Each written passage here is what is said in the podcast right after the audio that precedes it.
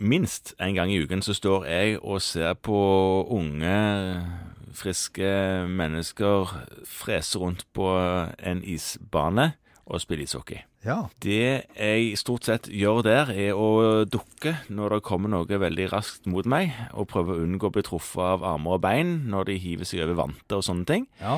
Og så syr jeg fort et kutt og iser kvikt ned der de har dunka seg. Og har en del andre sånne tender love and care-teknikker for å få disse unge, friske folkene til å prestere så best de kan på idrettsbanen. Det jeg er redd for når jeg står der, det er at de skal få en hodeskade. Eller jeg skal få en hodeskade, men fortrinnsvis de ute på idrettsbanen. Hjernerystelse er den store stygge ulven i all kontaktsport og ishockey. Ja, det er klart du trenger jo ikke utsette deg for så overhengende risiko som det å på en måte ta på seg en sånn hockeydrakt og løpe ut mot 100 kilo litt sånn da brutale muskler Nei da. for å få hjernerystelse. Neida. Mange i vår praksis klarer jo det på helt enkle vis. Ja da, falle fra husken eller dunke seg når du sykla og sklei en sving. Et eller annet. Alt mulig. Så det er jo en veldig vanlig tilstand Ja. at man dunker hodet, og det- det er jo definert som en mild hodeskade. Ja, Hjernerystelse, ja. Ja. Eller komotio.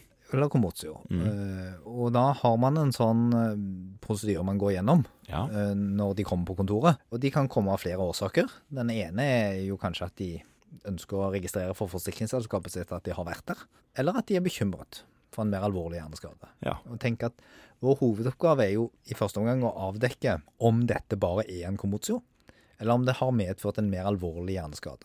Da tenker man ofte på kan det være en- blitt en blødning av dette. Interkranial blødning. Ja, Ja. Enten en akuttblødning eh, med en intracerebralblødning, ja. eller en, en sånn, et sånt subduralt hematom. Veldig, veldig vanlig egentlig hos eldre med, som står på blodfortynnende og lignende, og kan ha et litt sånn snikende forløp. ja sånn epidural blødning Ja. hvor du får en sånn linseform. Ja. Når du får sett det på setet. Eh, og så er det veldig mange som kommer med sine barn som er bekymra for det. Og det er heldigvis sjelden. Men det bør gjøres en ordentlig nevrologisk undersøkelse, og man må- bør gjøre en bevissthetsvurdering. Eh, Og så skal man da vurdere progredierende hodepine og kvalme. Og det er et tegn på at du bør ta det inn og få tatt en CT. Ja. Hvis CT-en er tatt og er klar, så kan du egentlig slappe litt av. Da skjer det ikke noe med det aller første.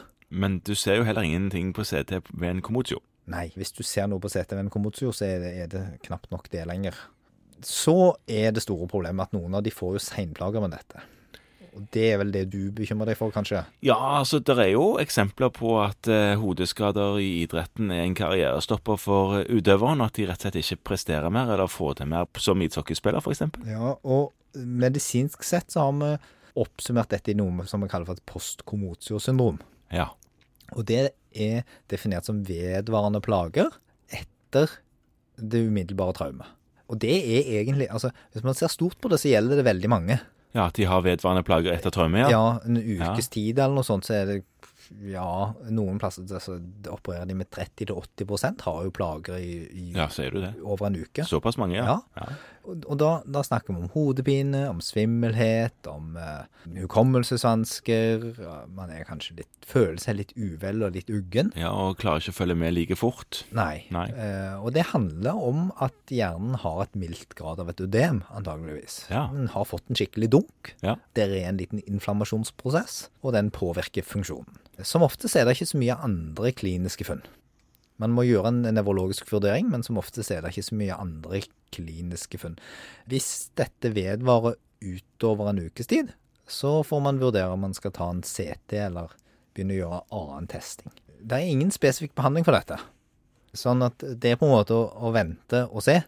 Eh, Det som er jo er anbefalt, er å hvile hjernen. Ja. Så ro og iallfall ikke spille ishockey. Ishockey er en ting. Det har vært veldig fokus på dette i forbindelse med fotballspillere Ja. som ikke husker resten av kampen, og fortsatt spiller.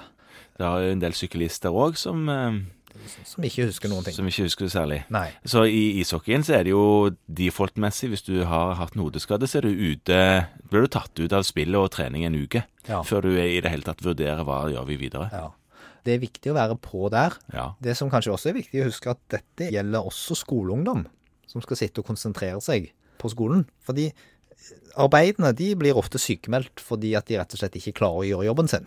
Men skoleungdom blir kanskje sendt på skolen fordi de, De sitter jo bare de der. sitter jo bare der. Mhm.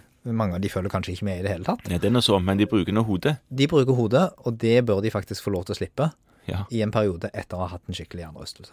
Ja. Sånn at hvis sykehistorien din tyder på at de har hatt en ordentlig hjernerystelse, særlig hvis de har hatt noen form for amnesi, så bør de tas ut av konsentrasjonsvirksomhet. Da pirker vi òg litt på det i at de ikke skal sitte og se så mye på TV eller på iPaden sin, Mhm. fordi det krever ganske mye av hjernen å følge med på disse tingene. Så hvi- hvis du går litt lenger ut etter dette traumehendelsen, så sa du at det var hva var det du sa? 30-80 som hadde en post-commotio-greie etter en ukes tid. Ja, Men Hvis du venter noen måneder, hvor mange er det som etter hvert har problemer da? Ja, nei, En god del. Altså 5 én av 20 vil ha problemer etter tre måneder.